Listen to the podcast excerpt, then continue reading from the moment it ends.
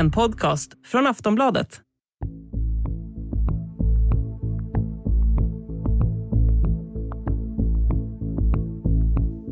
Bara 30 mil från den svenska gränsen på Gotland, på andra sidan Östersjön, ligger Kaliningrad. Inklämd mellan Polen och Litauen ligger den lilla ryska exklaven Kaliningrad Oblast som den heter med nära en miljon invånare. Exklaven har ingen landsförbindelse med övriga Ryssland men var Sovjetunionens huvudbas för Östersjöflottan fram till unionens fall. Och det var även då, 1991, som Kaliningrad blev en exklav och skild från den ryska federationen. Men det är ändå en granne till Sverige, kanske en av dem som vi vet minst om. Konflikten mellan Ryssland och Ukraina fortsätter och på grund av den så har Sverige förstärkt den militära närvaron på Gotland och även Försvarsmaktens operativa beredskapsstyrka finns på ön. För på andra sidan Östersjön så finns bland annat 25 000 soldater och 52 stridsfartyg i Kaliningrad. Hur är stämningen i Kaliningrad? Vad säger invånarna i landet om Putins agerande? Hur ställer de sig till ett krig och hur skulle det förändra deras liv? Det här pratar vi om i dagens Aftonbladet Daily. Jag heter Jenny Ågren.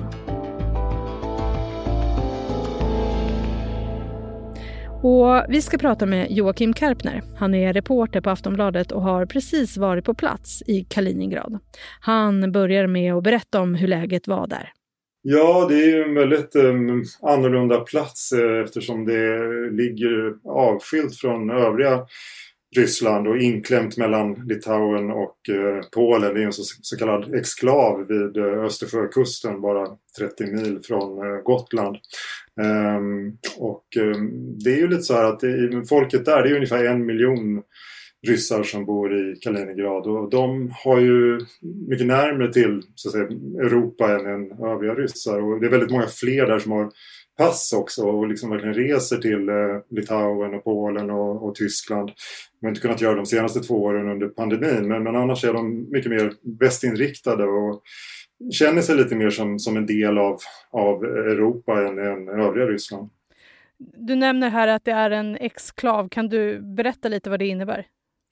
Ja, det innebär ju att eh, eh, Kaliningrad och eh, Kaliningrad Oblast som det heter, alltså det här eh, Kaliningradområdet som är stort som Skåne ungefär, det har ju ingen landkontakt med eh, Ryssland. Eh, så att de, när de ska ta sig till övriga Ryssland så måste de antingen åka tåg via Litauen eh, eller så flyger de då helt enkelt till ja, Sankt Petersburg eller, eller Moskva.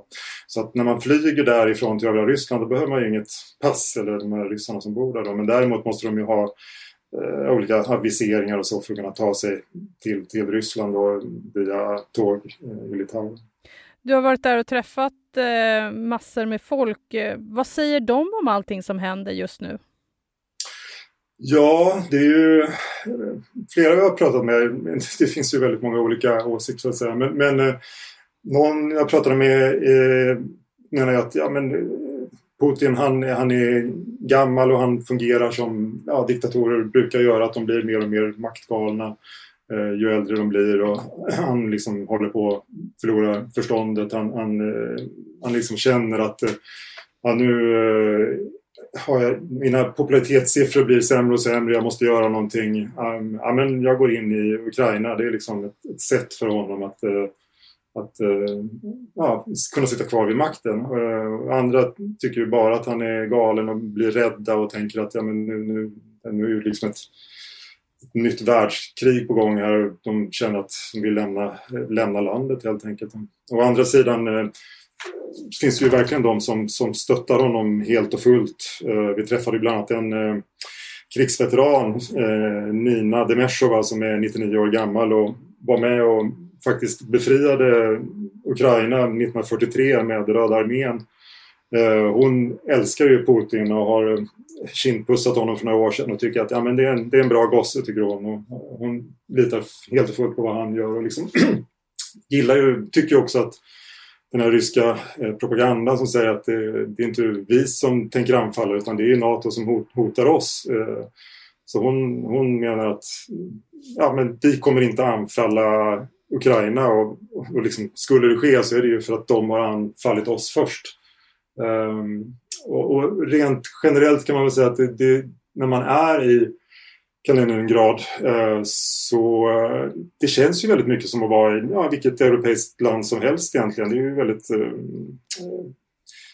modernt och finns många moderna affärer och lyxiga bilar och sådär. Så att känslan när man är, där och liksom lever ett vanligt vardagsliv det är ju inte att, att, man, att man är i ett land som är på väg att anfalla ett annat land egentligen. Så att folk lever ju sina vardagliga liv och när man pratar med dem och frågar vad de liksom tänker om det här, den här situationen så, så blir de ju... Eh, de tycker att de, de vill liksom skjuta det ifrån sig känns, känns det som. Liksom. Det, det, det, är inte något som angår dem tycker de. Och, eh, medan då en del är givetvis väldigt sådär bara positiva och de matas ju också med i, i eh, tv-kanalerna den här ryska propagandan att det är, det är Ryssland som är hotat och, och de liksom tycker att ja men då är det nog så liksom. Men, men det är inte så att det finns någon krigshets där. Att de tycker att ja, men det är klart vi ska, vi ska ta, ta över Ukraina. Det är inte alls så de tänker utan det, det, ja, det är lite...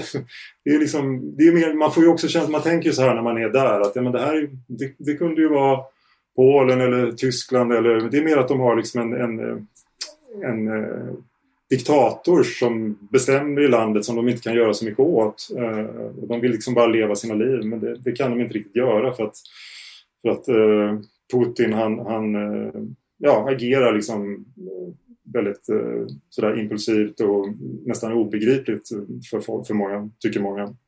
Hur, hur var reaktionerna efter Putins tal i måndags? Eh, ja, eh, där var ju då...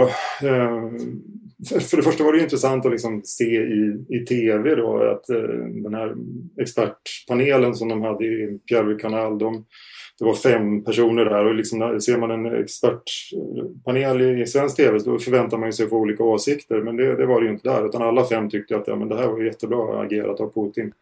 Um, och sen när vi pratade med folk då efter, efter talet så fanns det olika åsikter. Och, eh, någon, ja, flera kände då, kvinnor framförallt kände att ja, men det här var ju förskräckligt och, och en kvinna tyckte att eh, eh man, hon, hoppades att Gud skulle straffa Putin helt enkelt för, för det han har gjort. Um, Medan andra då, en, en äldre man till exempel, han, han tyckte han var väldigt stillsam av sig men han tyckte att nej men Putin gör rätt, det, det, det är bra, han, han agerar bra. Och andra tyckte att eh, ja men det här eh, det, visserligen kanske det strider mot folkrätten men, eh, men äh, vi måste in och, och eh, hjälpa våra ryska vänner i de här separatistrepublikerna. Vad skulle ett krig innebära för dem i Kaliningrad? Ja, det är ju väldigt svårt att säga. Det fanns ju flera vi pratade med som är rädda för om, om eh, NATO skulle gå till attack eh, så menar de att då, då kommer Kaliningrad vara första målet och, och, en kvinna menar att eh, ja, men vi kommer bli eh, de kommer verkligen bomba bort oss från kartan här liksom. Eh, men eh, och andra då menar att ja, men det kommer inte beröra oss. Eh, vi är så långt från det här händelseförloppet. Så att, eh, eh det, det, jag tror att de flesta känner nog att eh, det, det berör inte dem jättemycket. Det, det är ju mer liksom unga killar som kan bli berörda som kan kanske då bli inkallade till armén i förtid och såna här saker. Men, men det var ganska lugnt, lugn stämning ändå så att säga det finns ändå en beredskap i där eftersom jag menar, det ligger ändå bara 30 mil från Sverige.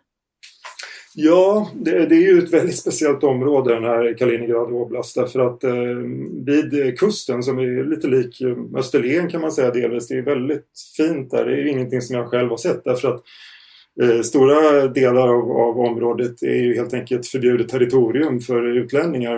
Eh, under Sovjettiden var ju området helt stängt. Inga västerlänningar fick komma in överhuvudtaget, inte till eh, huvudstaden Kaliningrad heller. Men, men eh, i det här kustområdet så där finns det ungefär 25 000 eh, soldater och över 50 eh, örlogsfartyg och eh, ett 50-tal stridsflygplan och eh, attackhelikoptrar. Och, ja, det finns ju en massa militär materiel helt enkelt. Och, alltså bara i det här området då så finns ju 25 000 ryska soldater och det är ju fler än i hela Sverige. Vi har ju en, en eh, armé på 17 000 soldater i fredstid.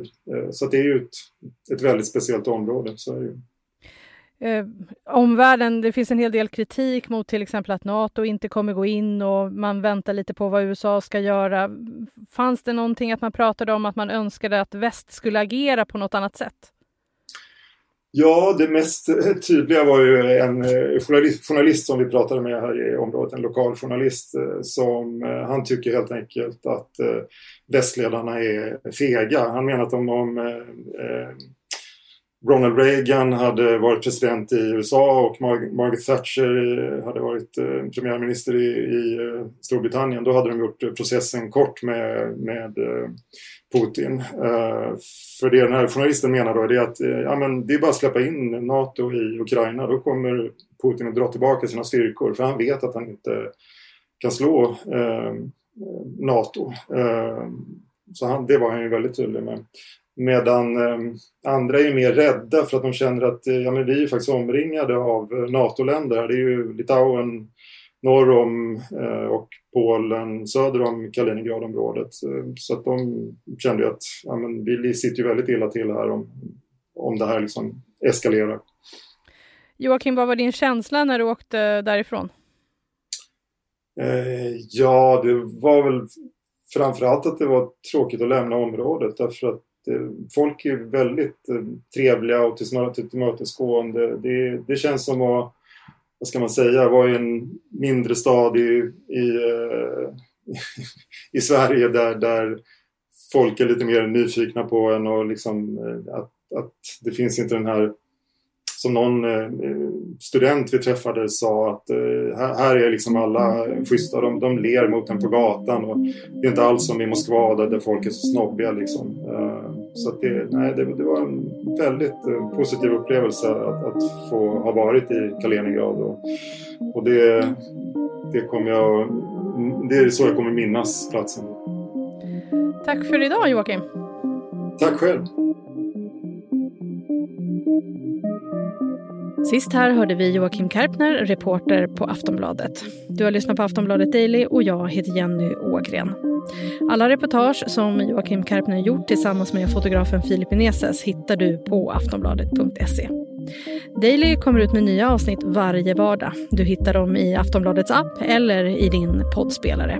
Du får gärna följa oss så du inte missar några avsnitt. Vi hörs snart igen. Hej då!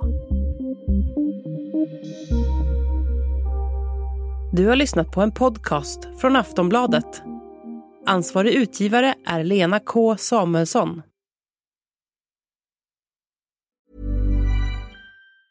Tired of ads barging into your favorite news podcasts? Good news. Ad-free listening is available on Amazon Music for all the music plus top podcasts included with your Prime membership. Stay up to date on everything newsworthy by downloading the Amazon Music app for free or go to amazon.com slash news ad free. That's amazon.com slash news ad free to catch up on the latest episodes without the ads.